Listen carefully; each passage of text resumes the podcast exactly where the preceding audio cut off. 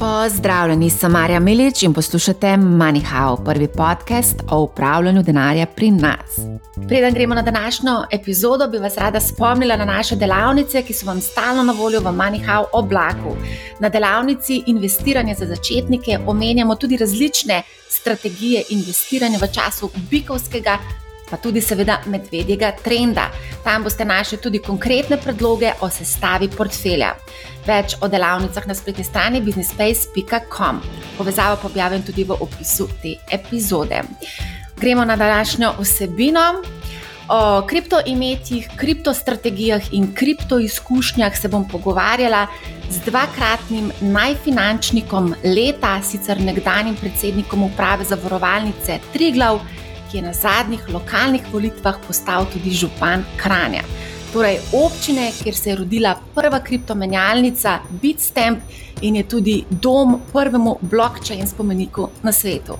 Pozdravljen, gospod Matjaž Rakovec. Ja, lep pozdrav, živijo. Kako ste, ste v redu? Vedno pozitiven, vedno optimističen, tako da zelo v redu. Tako kot se za kriptoinvestitorje spodobi. Tako, ja. Nikoli ne smemo izgubiti upanja. Večino karijere eh, ste preživeli v zavarovalništvu. Zavarovanje v osnovi pomeni zaščita premoženja, zdravja, življenja pred različnimi tveganji. Zdaj, aktuarji, ki so v bistvu matematiki, stalno računajo verjetnost nastanka nekih dogodkov. Um, verjetno pa v vseh teh kalkulacijah ne morejo upoštevati čisto vseh dogodkov, ki nas na koncu koncev tudi lahko zelo presenetijo. Recimo, presenetil nas je leta 2015 žled. Ne? Uh, marsikoga, tudi zavarovalnice, ki so takrat utrpele kar nekaj um, škode, oziroma so mogli izplačati kar nekaj odškodnin. Potem smo imeli tudi en tak večji dogodek, ki je bil potres v Petrini, se pravi na Hrvaškem. In pa seveda, konec koncev, tudi ta vojna, Ukrajina, Rusija in pa vse te posledice, ki potencialno pridejo. Zdaj, tudi vlagatelji, konec koncev, se moramo obnašati mogoče mečkam podoben kot zavarovalničari. Se pravi, da poskušamo prepoznati tveganja in pa jih seveda tudi obvladovati. Pri kriptu pa se mi zdi, da je vseeno malce drugače. Kripto velja za izredno nepredvidljivega in špekulantskega. Kako tu prepoznati in obvladovati tveganja? Ja, dober uvod, zanimivo vprašanje. Najprej bi sam, če se vrnemo malo na zavarovalnico. Ne? Dejansko, če ne bi bilo škod, če ne bi bilo škodnih primerov, ne bi bilo zavarovalnic, ne bi bilo tega finančnega segmenta. Tako da dejansko, kako koli čudno se sliši, dobro je, da so tudi škode. In to dobro je, da tudi v takih osebnih investicijah včasih dobimo kakšno po prstih, pa nas mal, tako bi rekel, spravi na realna tla. No. Kar se tiče pa tveganja, ja, vi ste prav ugotovili, kripto je posebej tvegano področje, ampak jaz vidim luč na koncu tunela da se bo zadeva regulirala, tako kot je zavarovalništvo, tako kot je bančništvo. In kripto bo obstal in kripto bo dobil dodaten zalet, seveda, takoj, ko bo regulator dobil tiste osnove, da bo to področje tudi reguliral. Drugače pa, če povežemo moje delovanje, torej skoraj 20 let v zavarovalnici, pa zdaj ta uh, novo področje kripta ravno na tem segmentu sva s kolegom dejansko začela z ustanovitvijo kriptostrategije Goldhorn, ki prav vodi v to smer, to se pravi neke, nekega zmanjšanja tveganja za kripto uh, vlagatelje. A gremo mogoče, preden gremo seveda tudi na ta sklad, identificirati, katera so tista tveganja, ki potencialno nas lahko najbolj prizadenejo, recimo v konkretno danes, v tem trenutku. Poglejte, jaz uh, sem v svoji praksi, kar se ukvarjam s kripto, do, doživel marsikater padec, veliko izgube. Uh, sploh v letu 2016 do 2008 je bilo veliko, predvsem preko socialnih medij, informacij, ki so vodile samo v hipen dvig cene enega kovanca in potem takojšen spustane. In uh, dejansko to prakso moraš dati skozi, zato da potem postaneš bolj previden, da postaneš bolj pasiven vlagatelj. In moja strategija je še vedno, zdaj po tolikih letih, Jaz sem pasiven uh, vlagatelj v, v kripto, to se pravi, ne iščem vrhov, oziroma dnevno ne hodim iz enega v drugega, ne trgujem, ampak pustim na dolgi rok. In to se je izkazalo v mojem primeru konkretno kot zelo dobra praksa. To se pravi, največje tveganje v tem trenutku je, da ljudje hrpenijo po takojšnjem zaslužku, po hitrem zaslužku, ampak na koncu, verjemite mi, saj kot jaz tudi s kolegi govorim, pa tudi jaz sem v to prakso.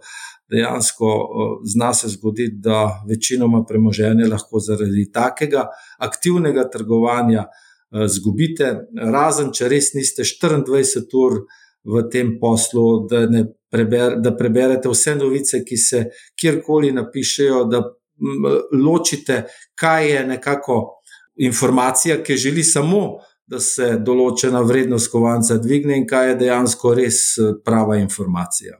Ja, tudi v borznem svetu se stalno bije bitka med aktivnim in pasivnim upravljanjem. O tem smo že zelo veliko uh, govorili. Pa me zanima, zdaj benchmark v, v kriptosvetu, predvidevam, da je Bitcoin. Tako, ja, Bitcoin. Kateremu indeksu mi, ko govorimo o pasivnih strategijah, sledimo pač nekemu indeksu in nismo preveč ambiciozni, da bomo presegli ta indeks. Ne? Torej, sledite o Bitcoinu. Ne? Ne, pogledajte, dejansko strategija je podobna kot pri ETF eh, e eh, modelu. To se pravi, mi konkretno imamo sedem pasivnih skladov, pa samo enega aktivnega, recimo. Ne. To se pravi, mi imamo jasno strategijo, v katere kovance vlagamo. Recimo, če ponazorim Goldhorn uh, Crypto World strategijo, v katerem je 60% naloženo v Bitcoin, 30% v Ethereum, 10% pa ostane za take druge kriptožetone. In uh, recimo tistim, ki se malo bolj spoznajo v kripto, je to dejansko znana strategija, ki jo uh, ima lastnik uh, Mavericksov, to se pravi lastnik našega, da tako rečem, Dončiča. Ne?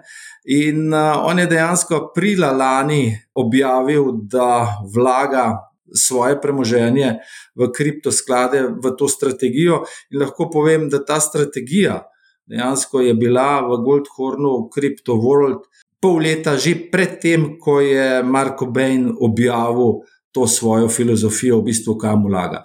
Drugače pa imamo različne modele, recimo Goldhorn Crypto Dynamic ima naloženih 25 eh, najbolj z največjo kapitalizacijo kovancev, vsakega po 4%, vsakih 15 dni se potem naredi rebalancing, tako da dejansko res sledimo. Tistim najbolj sigurnim, da tako rečem, eh, kriptokovancem, in njihovo razmere se pa glede na odstotek, seveda menja. Recimo, dinamiko je vsaka, vsakega tega kovanca 4%, potem imamo balans, kjer je polovico, to se pravi 2,5% vsakega kovanca, polovico pa v USDT-ju, to se pravi v stablecoinu in podobno. Skratka, sedem takih strategij, kjer dejansko vlagatelji točno vedo, kakšno je razmerje med posameznimi kovanci, in vsakih 15 eh, dni, kot sem dejal, se dejansko re, rebalansira, pomeni, da gre na tisto izhodiščno razmerje, ki ga ima posamezna strategija. Zdaj, ko omenjate tudi eh, sklade, ki kotirajo na borzi, torej ETF-e, ali so tudi potem provizije tako prijazne, kot so pri borznih ETF-ih? Ja, tudi provizije so različne. Recimo pri aktivno upravljanju imamo performance fee, drugače so pa provizije tam od 2,5. 75 do 1,25%. To se pravi na tistem konzervativu, kjer je samo 25 odstotkov kovancev, od 25 ima vsak po 1%, 75% pa je naloženo v stablecoin. Tako da je provizija ki se obračunava na letni osnovi, vsake šest ur, mislim, da dejansko zelo prijazna vlagateljem.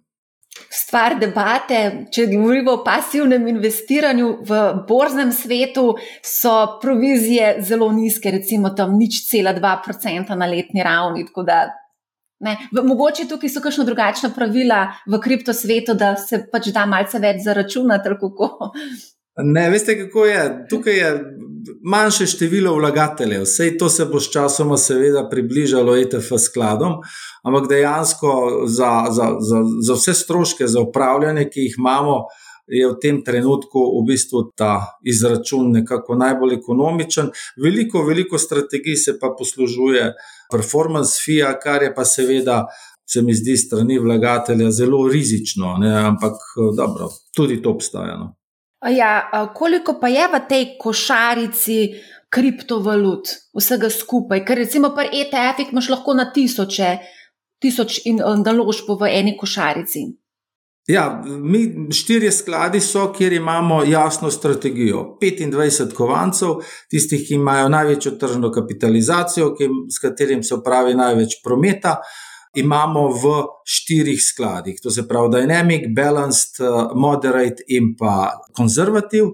In v tistem, ki je najbolj, da bi tako rekel, dinamičen, eh, imamo vsakega po 4%, torej 25 kovancev po 4%, se pravi 100%, celoten portfelj je naložen v kriptokovance. Potem imamo pa na drugi strani, eh, recimo, najbolj konzervativnega. Prav tako istih 25 kovancev, vendar vsak je udeležen sam z enim procentom, medtem ko 75% je pa dejansko v stablecoinu. Vem, da ste izkušen zavarovalničar nisem pa čisto prepričana, oziroma nisem seznanjena s tem, ali ste tudi um, v svoji karieri uh, investirali, se ukvarjali z investiranjem na borzi, ne vem, kupovali opcije, trgovali z delnicami, ETF in podobno. Poznate vse te zgodbe oziroma strategije še iz tega sveta. Tako je. Jaz sem šel tudi v tisti šok, ki smo ga doživeli 2008. Uh, ko se je začela, v bistvu, do zdaj se mi zdi, za mene, teh mojih letih največja finančna in pa ekonomska kriza. Uh, tam sem se začel igrati z vzvodi, danes se to več ne igram, ker je bila izguba 2-8 tolikšna, da sem rekel, da se več tega ne bom več lotil. To je bila ena tako dobra izkušnja. Je bilo neko zamrznjeno obdobje, tam sem kar nekaj um, delničev, kot sem bil predsednik uprave za Vajence, Trigo, seveda veliko teh delnic. No. Uh, Uh, kar se je danes, kot vidite, izkazalo uh, kot dolgoročna do, dobra naložba. To se pravi, zopet govorimo o nekem pasivnem uh, upravljanju. Ne se spomnim, recimo leta 2010, se mi zdi, je bila delnica Triglava vredna 11 evrov, danes je 37, to se pravi, čisto realno, krat dobrih tri v, v desetih letih. To je plus še, seveda, dividende, isto, če primerjamo neko krko, ki je pač zdaj doživela malo paca zaradi Rusije. Ampak, ja, skozi svoje življenjsko obdobje, sploh tisto aktivno, uh, sem uh, poskusil vse, do, doživel marsikatero razočaranje oziroma tudi zmanjšanje premoženja. Ne? In to je vse stvar učenja, predvsem sem se pa naučil, da je treba biti potrpežljiv, ne je na dnevne novice, kaj vse se dogaja. Ampak biti nek pasivni vlagatelj, predvsem pa naložiti to denar, ki, ki ni tisti pomemben za trenutno življenje, ki se ga konec koncev lahko tudi odrečete. Se pravi, strategija hodil, funkcionira. Ja, strategija, da tako rečemo, hodil. Uh, sigurno, to pri meni je in uh, dejansko se tudi v tem kriptosvetu pokazala kot dobra. Recimo, ko smo začeli z tem Goldhorn kripto, takrat se je prvi, prva strategija, takrat nas je bilo res malo imenovala GBA 15, sem uložil svojih 100 tisoč evrov in to je bilo 2016, konec 2015, 2016. In to je šlo v treh mesecih, je šla številka na 30 tisoč, to se pravi 70-odstotna zguba. Ampak potem je pa to nekako rezultiralo leta 2021, lani aprila, da sem pač del premoženja pretopil v, v vikend. Uh, tako da dejansko je res uh, treba imeti dobre živce, treba je zaupati.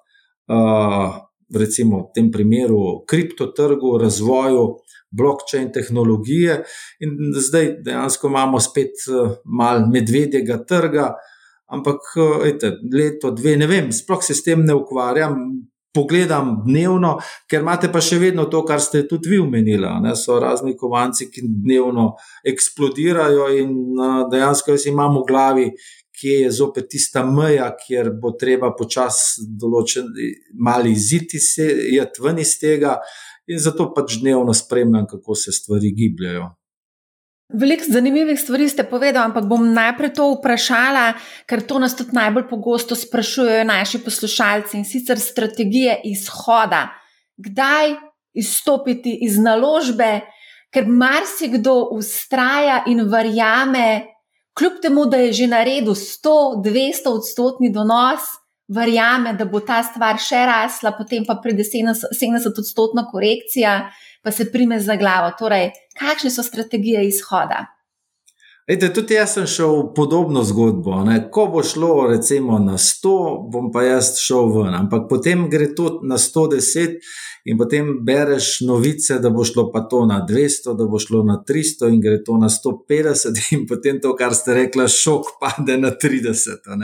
Vse to je šola. Vse to je šola, zato pač si mora vsak sam postaviti limit, kje kašni, eh, na kakšnem nivoju bo šel ven. Tudi mene včasih malo, da tako da rečem, zagrabim, pa rečem, bom še malo vlekel, ampak eh, na koncu koncev se to nikoli ni izkazalo kot dobro. Ne? To se pravi, moš postaviti limit, kot sem si ga jaz lansko leto uredil, to je limit, zdaj grem. Z delom premoženja ven, in to se je izkazalo kot dobro. Vsak mora sam vedeti. Ne? Če gre pa za pasivne naložbe, ne, je pa seveda igra na dolgi rok. In verjetno ima vsak od nas nek cilj. Bo kupil, ne vem, nov avto, bo kupil nepremičnino, ki jo dal v najem, bo vložil v neko podjetje, bo, bo vložil. Recimo, jaz imam zdaj tudi, jaz nisem, oziroma še zdaj nimam delnice, ampak sem nekako rekel, da zdaj, ko bo naslednji tak pri posamezni strategiji vrh dosežen, potem bom del denarja, ki ga bom pač v novču dal nazaj v delnice, ker se mi zdi to tudi, da še bolj razpršim premoženje. Skratka, vsak mora vedno sam pri sebi si postaviti tisti limit, kupil sem pri 10, ven grem pri 20, s polovico, s tretjino ali s celim, kakorkoli že. Vedno mora pa sam vedeti, pri pasivnih je pa ravno obratno. Ne? To se pravi, ko se ti nabere neka vsota, ki si jo si začrtal, da boš iz tega nekaj reinvestiral v neko drugo področje, potem greš pa. Takrat vna. To, kar zdaj razlagate, je tako zelo zanimivo. Tudi mladi investitorji, kriptoinvestitorji so ugotovili, da je vsem kripto tako volatilen, da si želijo vsem malce sigurnosti in to sigurnost iščejo na delniškem trgu, ki pa je tudi konec koncev lahko izredno volatilen. Torej, vi ste pa tudi rekel zdaj, da zaenkrat ste investirani v kripto, pa v nepremičninah, želite pa razpršiti še z delnicami. Tako je. Točno to, recimo 70% imam premoženja v nepremičninah, 30% v kriptu, to je približno taka stvar. Ampak zdaj, ravno v bistvu, ko se je zgodila ta kriza s to vojno v Ukrajini, ne, uh, Že prej sem razmišljal, ampak zdaj pa moje razmišljanje še bolj podkrepljeno s tem, da je potrebno, da grem še mal v, v, v, v delnice, ki, ki pač na dolgi rok, seveda, predstavljajo neko sigurnost, ne? prav gotovo energetske, zdrav, zdravstvo. Veste, tukaj so pač nihanje, ampak kot sem že prej povedal, kakšne so bile, recimo, prav na zavarovalnici Triglava. Eh, kakšen je bil donos v, v desetih letih. Treba imeti samo potrpljenje, potrpežljivost, eh, pa eh, še enkrat denar, ki ga ne potrebuješ za dnevne izdatke. Mhm. Zdaj smo že večkrat omenili vojno. Veliko stvari se je tudi na področju kripto zgodilo ravno zaradi te invazije Rusije v Ukrajino. Recimo nedavno, par dni nazaj, je predsednik ZDA Biden izdal odlog za celovit pristop k regulaciji kriptovalut in pa k preučitvi posledic uvedbe digitalnega dolarja. Tudi EU je sprejela, vključno seveda ZDA, ukrepe za preprečitev morebitnega ruskega izogibanja tem sankcijam ravno v kriptosvetu. Kako zdaj gledate, ali lahko pride do hitrejše regulacije ravno zaradi te eskalacije? Ja, zdaj govorimo o tej mici, The Markets in Crypto Asset Regulation.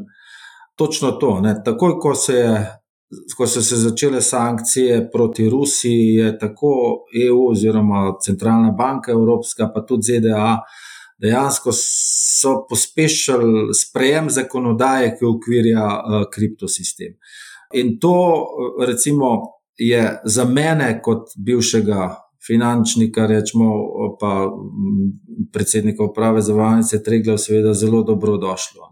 Zapravi, stvari se premikajo v pravo smer, v javno razpravo, in mi že na bolj odhorno razmišljamo in delujemo v tem smislu. Tudi eh, naša platforma Economy, za mene je ena najbolj uspešnih teh digitalnih podjetij v svetu, dela v tej smeri. Uh, tako da um, verjamem, da bo to dalo dodaten veter v krila kriptosvetu. Regulacija, recimo v Evropi, se bo izvajala preko EBE, preko European Banking Authority in pa tudi preko ESME, to se pravi Evropskega ATVP-ja. Bistvo pa je, ne, da se zagotovi nek stabilen finančni sistem, seveda preprečevanje pranja denarja in pa predvsem zaščita investitorjev. Američani grejo malo širše, oni imajo dejansko šest točk, med njimi tudi govorijo, da bodo ZDA vodilna na področju inovativnosti in prihodnosti finančnega sistema.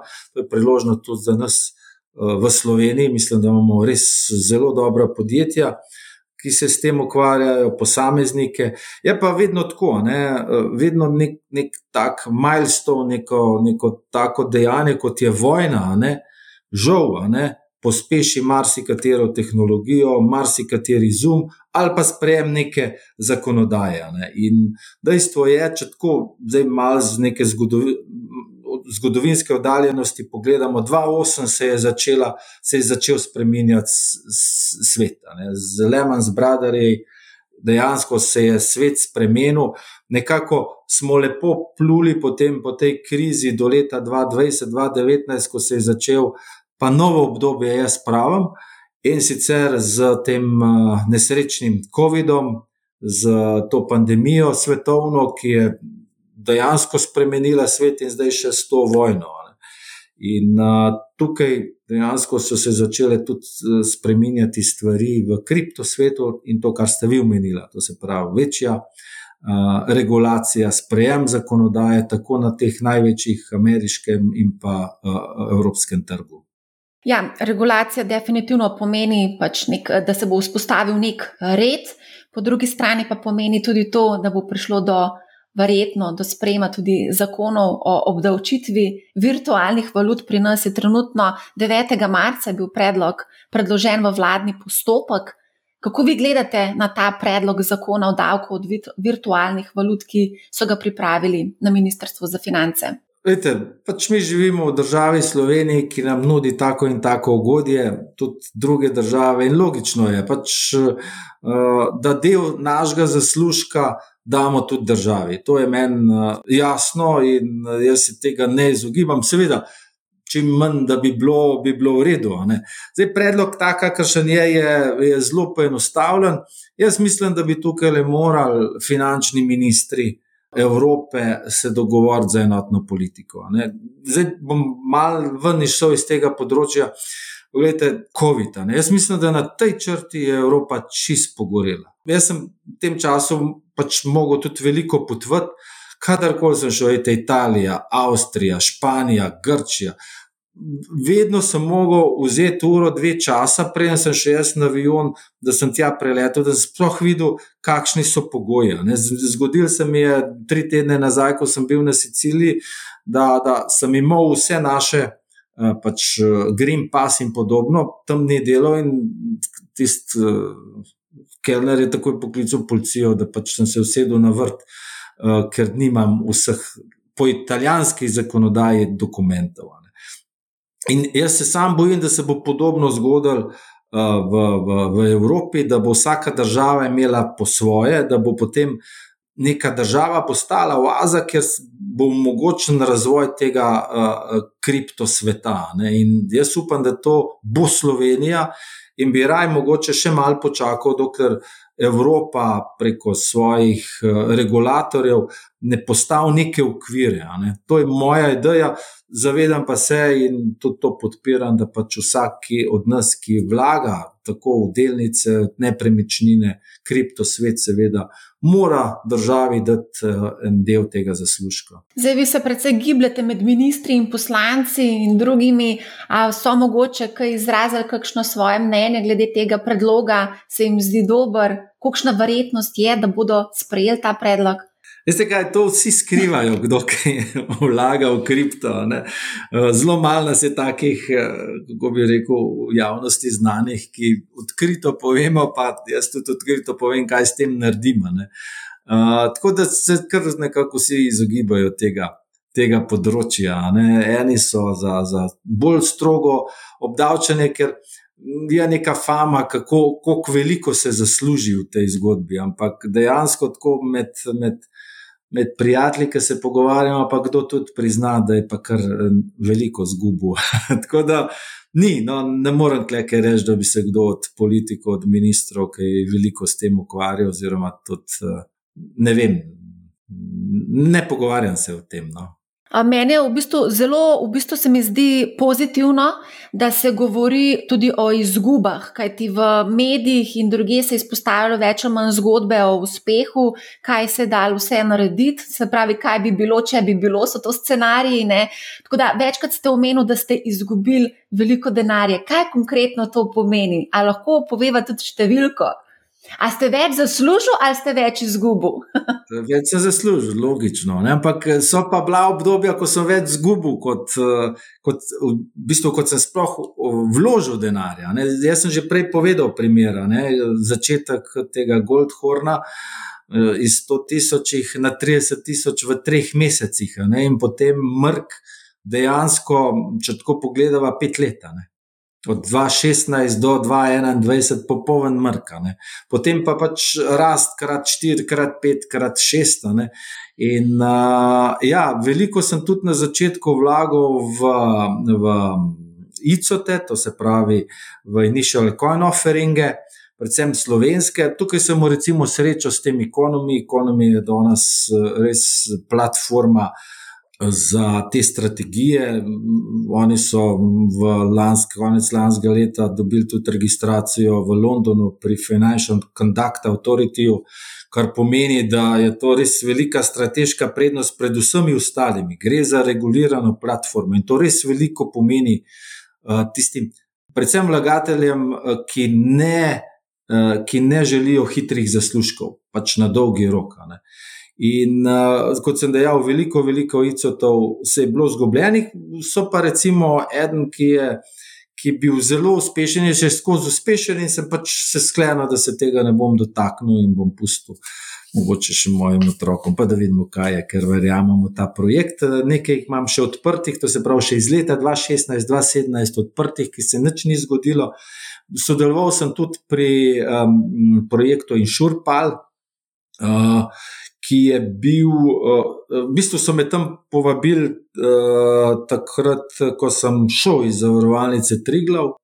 Produkt oziroma projekt je zelo dober, moram priznati, in bi zelo ugodno vplival na zavarovanja, predvsem avtomobilska zavarovanja.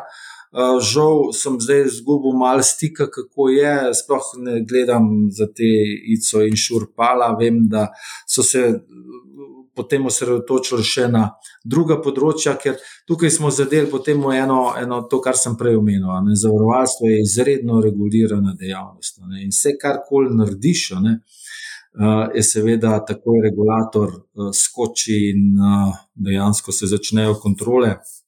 Tako da tukaj vidim.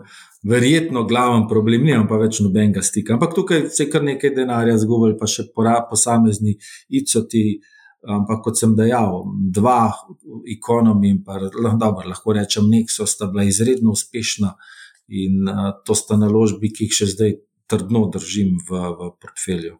Ja, smo tudi mi kar precej poročali o teh ICO-jih, prvi zdaj teh kriptožetonov. Takrat so ljudje masovno res investirali v to, tudi precej denarja izgubili, sicer o tem pa niso več toliko govorili. Ko vi omenjate, da je padla v bistvu vaša naložba iz 100 na, 7, na 30, to pomeni, da ni bila realizirana izguba, to pomeni, da ste še vedno držali in ustrajali, ker ste pač predvidevam verjeli v to zgodbo, ali pa ste si mislili, da okay, bom to pustil, oziroma ste investirali toliko, kolikor lahko izgubite, predvidevam. Zdaj, ja, točno to. Ja. To, evo, zdaj ste zadela bistvo, ampak bistveno, kar je bilo, ne, ko je padlo to na 30, se je rekel, da če gre pa še na nulo, gre pa na nulo. Pač je še ena stvar v življenju, ki se jo naučiš. In potem, ko vidiš, da se stvari res na vseh področjih kriptosveta so se začele premikati, borze ustanavljati, uh, menjalnice, da rečemo. No, uh, Potem pa začneš verjeti, da če enkrat se bo to zgodilo in bo to doseglo neko vrednost. Sploh pa ta strategija, kot sem rekel, 25 najbolj uh, uh, prepoznanih z največjo tržno kapitalizacijo Eh, kovancov, tistih, ki so tudi najbolj frekventne na, na, na, na, na kriptomenjalnicah, eh, potem verjameš, da se to dogaja. Ne? Ker to mi tudi dejansko vsake tri mesece se pregleda, ali je še vseh 25, res 25, ali je kakšen padel niže, pa se je nekdo drug uvrstil na to lestvico 25 najboljših. Da je to, kar ste rekli, to se pravi, denar, ki ga dejansko lahko pogrešiš, še vedno ti bo žal za njemu, predvsem je pa potrebno veliko, veliko, veliko potrpljenja, potrpežljivosti. In to, kar ste pa tudi omenili, postaviti limit. Pri tej ceni ali pa pri tej vrednosti grem pa ven, pa če ne vem, kaj še kaj se zgodi. Se vas moramo vprašati, ker ste zdaj že tako velikrat v bistvu izpostavili re, rebalansiranje, pa konstantno kontrolo portfelja, prilagajanje portfelja. Konec koncev, pod črto, imate pa še eno službo, ste župan. Jaz, jaz sem vas kar označila za kriptožupana. Kako vam uspe upravljati sklade in hkrati biti na tako odgovornem mestu? Najprej, bistvo vsega je imeti dobro ekipo. Ne? Če zdaj še tako povem, malo, recimo, jaz sem tudi predsednik Hokejske zveze Slovenije. V tem mojem mandatu smo se dvakrat uvrstili na olimpijske igre, kar je bilo seveda svetovna novica, premagali američane na olimpijskih igrah. Skratka, Eh, res eh, zahvaljujoč dobri ekipi, potem sem tudi v mednarodni plavalni zvezi. Skratka, zelo aktiven, pobiram, srkam informacije, ideje in isto delujem tudi na, na, na, na mestni občini Kran. To je tretja največja občina, imam super ekipo okoli sebe. Veliko smo naredili v tem mandatu, tako da dejansko si želim še enega, no, da ustvarimo še kaj pomembnih zadev. Um, ste pa že prej omenili, da ja, imamo prvi krožišče, Bitcoin krožišče. In moje razmišljanje je zdaj tudi, uh, ampak tukaj je zakonodaja dejansko je zašla v slepo ulico, jo sploh ni. No, da bi tudi uh, v, v, na mestni občini poskušali v smeri, da izdamo še NFT. Ne. Tukaj zdaj le že kar nekaj mesecev uh, debatiramo, razmišljamo. Uh, vidite, da se NFT vključuje v športno področje, umetnost, skratka, In uh, jaz imam idejo, kako bi tudi uh, na tem, teh javnih službah lahko dejansko izdali določen NFT. Predvsem je pa to, veste, kako mi zdaj delamo razpis za digitalizacijo mesta. Ne? In rad bi, da bi pač eh, naši občani in občanke dejansko se spoznali na tak neboleč način, brez kakršnega koli ložka, tudi s kriptodenarnico, kako ta svet deluje. Ne, to je, je nekako končni cilj. Ne, in zato bomo uporabili mogoče izdajo enega NFT-ja, da bo čim več uh, naših občanov dejansko vstopilo v ta svet, ker to bo prihodnost. Kot ste omenili. Uh, izdaja se dolar na tej platformi, evo evro tudi razmišljajo. Skratka, to bo, to bo no, prihodnost zdaj, ali bo to drugo leto, ali bo čez dve leti, je seveda vprašanje, ampak bo pa. Mimo tega ne bomo mogli iti, ker to je pač razvoj, napredek in vete, v to verjamem. No. Ja, všeč mi je vaša ambicioznost, ampak jaz sem zagovornik tega, da je treba najprej postaviti zdrave temelje, preden greš v en tak kripto svet. Se pravi, mislim, da vse je potrebno najprej slovence finančno opismeniti, se pravi, dati najprej osnove, potem gremo pa lahko upgrade delati.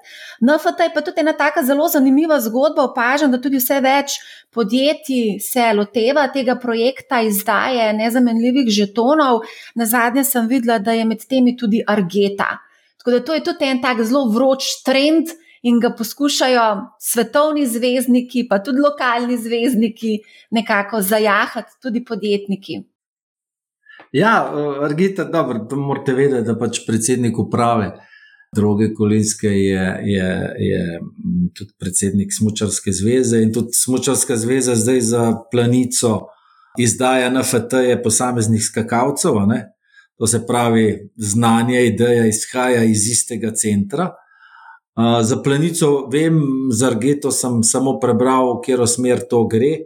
Ja, dejansko Veste, nekako to je nek virtualni svet. Ne? Eno je lastništvo, fizično lastništvo, drugo je pa virtualno lastništvo. In to je zelo težko preklopiti v glavah uh, običajnih ljudi, da tako rečem. In zato to, kar sem vam omenil, ne? moja ideja je izdati tak NFT, ki bo privlačil. Naše občane, da ne bodo nič dali za to, ampak bodo nekako tako rečemo, rekvajih, prisiljeni odpreti kriptodenarnico, spraviti te NFT-je in imeti nek občutek, da imajo pa nekaj. To se pravi, da gre za izobraževanje, to, kar ste rekli. Se pa strinjam, nikakor uh, za tistega, ki ni nekako. Da, da ne ljubi tveganja, kriptosvet ni za njega. Ne. Razen mogoče, da bom naredil reklamo za sebe, te skladi v Goldhornu, ki so pasivni, ker točno veste, da bo skozi ista formula, ista strategija, isto razmerje, medtem ko za vse ostalo je pa, um, kdo ne želi tvegati, ne bi priporočil kripto v tem trenutku.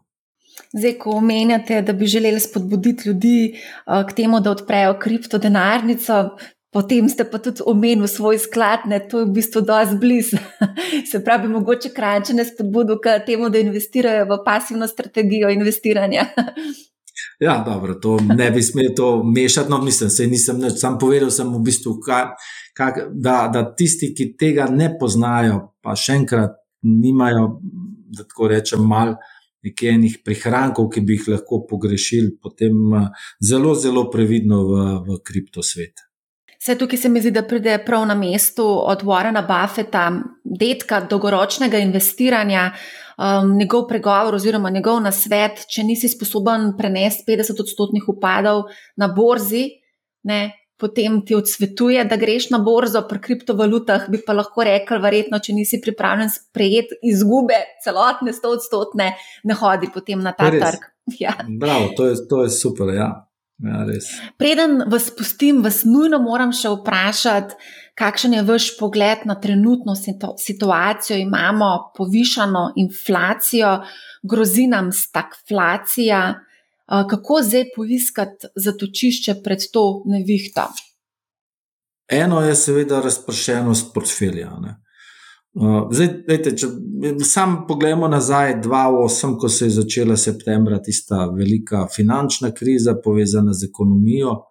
V zahodnem svetu se je dejansko začel dvigovati 2011, 2012, pri nas šele po 2013, 2014, recimo. Ne. To pomeni potrpljenje, potrpežljivost 5-6 let. Ne. ne vem, koliko časa bo to trajalo, danes se svet mnogo hitreje vrti in uh, lahko bo to že drugo leto zadeva rešena, lahko bo še dalj časa trajal. Stvar, zdaj vidimo tudi inflacijo, ne, kar pomeni, da tveganje pred inflacijo je precejšno. Ne.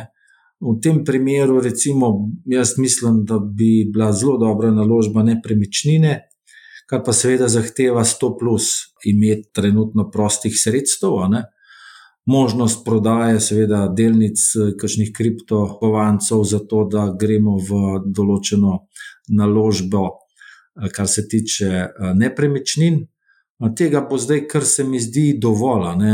Konkretno v Kranju, jaz računam, letos bo 500 novih stanovanj, vem, kaj se dela, gradbene dovoljene so malo pred, pred izdajo, v prihodnjih dveh letih pa še dodatnih 500. Za Kran z 58 tisočimi prebivalci, kar precejšno število, to se pravi skoraj. Rečemo 7-8% povečanje prebivalstva, če tako pogledamo. Ne. In nepremičnine, Vejte, se bo upata, ne, ampak eh, ker je bila tudi takrat kriza po 2-8, ampak na dolgi rok eh, se je izkazalo to vse dobre naložbe, tisti, ki smo takrat kupovali kakšne stanovanja.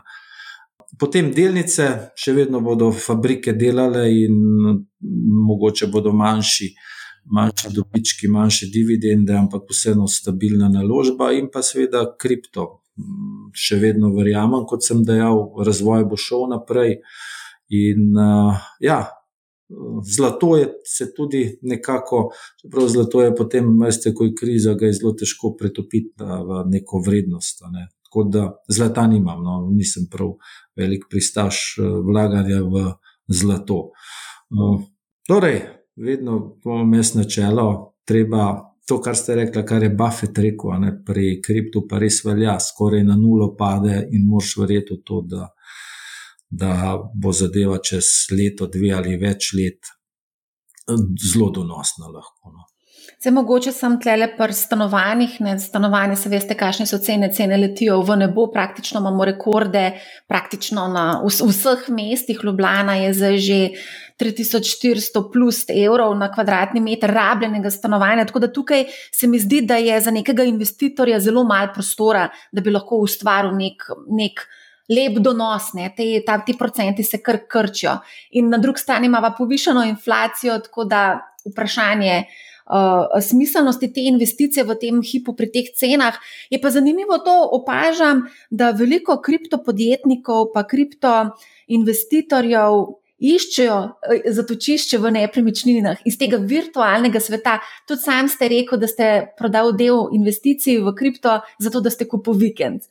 Če se vrnemo na stanovanja, se strinjam, cene so izredno, izredno visoke, ampak če bo slučajno kriza, ne, potem bodo tudi cene tukaj le padle. Ne, in takrat je priložnost, če imaš ti likvidno sredstvo, ki ga takoj lahko spremeniš denar ali imaš denar, potem je takrat možnost. Ker se, se spomnimo, koliko je podjetij propadlo, gradbenih, ki so res v bistvu brez kakršnega koli znanja vlagale v izgradno stanovanj ali pa poslovnih prostorov. Kar se tiče, ja, to, kar ste rekli, veliko kriptovlagateljev, ravno to je tisto. Ne, tisti, ki imamo določene izkušnje, potem postavimo svoj limit.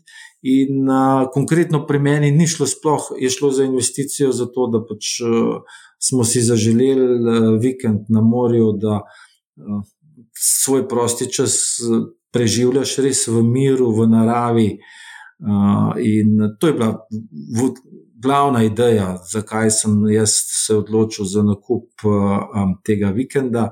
Ne zato, da ga oddajam, pa s tem služim, ampak samo za, v bistvu za lasten užitek, da tako rečem, pa nekako povezovanje družine, prijateljev in podobno. Ne. To je bila moja ideja. Predstavlja pa seveda neko varnost, če se bo kriza še bolj stopnjevala, še vedno seveda ga prodaš po ceno, ampak še vedno je likviden. No, ampak jaz mislim, da tega ne bo potrebno. Zdaj, eh, ko ste povedali, da bi nepremičnina bila lahko potencijalno zanimiva investicija, ko seveda upadejo cene in da je dobro biti v bistvu imeti sredstva uh, na voljo za investicijo. Torej, naši mladi poslušalci to vse slišijo, jaz vas moram vprašati zdaj, pričakujete upad cen nepremičnin? Eh, ne prevelik. Mogoče te uh, elitne lokacije bodo cene zadržale, medtem ko uh, bolj obrobne zadeve, pa jaz mislim, da bo. Predvsem velik problem bo nastal pri hišah. To se pravi, stare hiše, tiste, ki so se v času socializma gradile v 70-ih, konec 70-ih let, ko so podjetja ponujala res ugodne kredite, in dejansko si takrat v tistem času skoraj vsakdo lahko prvošil hišo. Mal so skupaj stopili, kupili zidake, avto, naredili in hiša je stala, mogoče še nedokončana, ampak to se je dejansko dal delati, in takrat je bila tako visoka inflacija. Da dejansko vsti kredit je bil na koncu, jaz se spomnim, da je to oče rekel, vreden za park kao, da tako rečemo. Ne. In te hiše, ki so zdaj energetsko strašno potratne, uh, mladi so se izselili v mesta in seveda starejše osebe ostajajo same. Ne, in, um, s porastom cen teh energentov je vzdrževanje zelo uh, naporno, oziroma predstavlja zelo velik strošek, in take hiše so že v prodaji. Ne. In tukaj je priložnost za mlade, ne, da tukaj najdejo. Medtem, kot sem rekel, stanovanja na elitni lokaciji, cene bodo ostale, uh, obrobju pa znajo past. Mi, recimo, zdaj, ko se konč, mislim, pred pridobivanjem gradbenega dovoljenja tukaj v Kranju eno podjetje, veste, Kran je 25 km od Ljubljane in cena, ki je postavljena na trgu z DDV-jem novega stanovanja, je 2500 evrov. Ne fiksirana, to se pravi, podpisu pogodbe 10%, potem pa čez 2-3 leta, ko se to konča. To pa je nek, nek, nek, nek relativno za mene ugodna varijanta za nakup stanovanja. No. Za konec bi vas še to vprašala. Tudi to me zanima. Bitcoin je v bistvu relativno mlad, 2009 se je rodila ta kriptovaluta. In od takrat praktično na borznih trgih beležimo bikovski trend. Tako da kriptovalute pravega borznega medvedjega trenda, ki ga pričakujemo v bližnji prihodnosti, oziroma v prihodnosti, niso okusile. Kaj mislite, da bodo posledice ali kako bo kripto to občutil? Ker paci na borzi so kar brutalni, kot ste rekli, 2,8 so upadli tečaj tudi do 65 odstotkov. Um, Tako da tukaj pa kaj lahko pričakujemo potem? Vede, zdaj, kar se je v zadnjem času, to se pravi, recimo od začetka korone, pokazalo je, da se kriptosvet giblje v isti smeri, kot se gibljajo delniški trgi, samo da so paci mnogo bolj očitni ne, mnogo večji. Medtem ko je porast, je pa tako, mogoče kar mal eh, zakrita, ne, dejansko zelo hitro se zgodi. In potem, ko se na delniškem trgu ali pa na celotnem finančnem trgu nekaj zgodi, pa to res zelo zgrmi.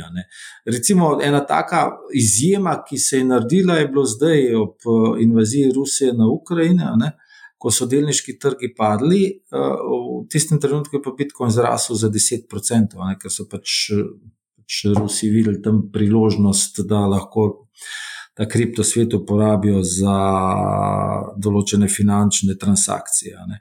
Ampak eh, bolj, ko bo kriptotrg reguliran, bolj bo imel isto smer in isto uh, velikost. Uh, rasti ali pa paca kot v bistvu ostali finančni instrumenti. To se pravi, predvsem tukaj mislim delnice, nepremičninski trg, nafta, eh, surovine in podobno. Pred nami so negotovi časi.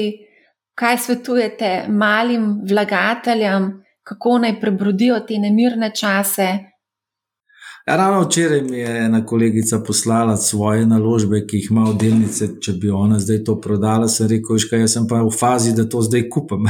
Tako da sem ji dal odgovor. Ete, v tem trenutku jaz, kot, jaz sem pasivni vlagatelj, ne bom naredil nič, tudi če bo še bolj padel, ker verjamem, da bo zgodba. Prej ali slej spet eh, se ponovilo leto 2021, če pogledam iz kripto sveta. Um, še enkrat pa v bistvu govorimo o denarju, ki ga lahko, da rečemo, pogrešimo. Ne. Seveda bo zelo hudo, me bo zelo prizadelo, ampak dejansko se zavedam, da se igram s tveganjem in da je možna tudi 100-odstotna izguba. No, ampak jaz sem večni optimist. Verjamem v ta svet, kriptosvet in uh, zato bom pač svoje naložbe pustil tako, kot sem. Tudi nobene nepremičnine ne razmišljam, da bi v tem trenutku kupil. Se pa seveda sledim uh, dnevnim informacijam, trendom, uh, se pa lahko to že jutri tako rekoč spremeni. Svet se spremenja s svetlobno hitrostjo, tako da najlepša hvala, da ste si vzeli čas za pogovor in hvala za vse te zanimive informacije. Hvala tudi vam, lep dan in pa res upam, da se še kaj tako le srečamo, pa veliko sreče pri vlaganjih. Najlepša hvala, hvala tudi poslušalcem in gledalcem. Če imate kakršno koli vprašanje, mi pišite na marja.afnabusinespace.com ali preko katerega od družbenih omrežij. Naročite se na podcast Manihau, zelo bom vesela, če boste posredovali informacijo o podkastu prijateljem, znancem, sorodnikom in vsem, za katere menite, da bi jim vsebina lahko koristila. Poslušajte Manihau, ne bo vam žal. Lep pozdrav!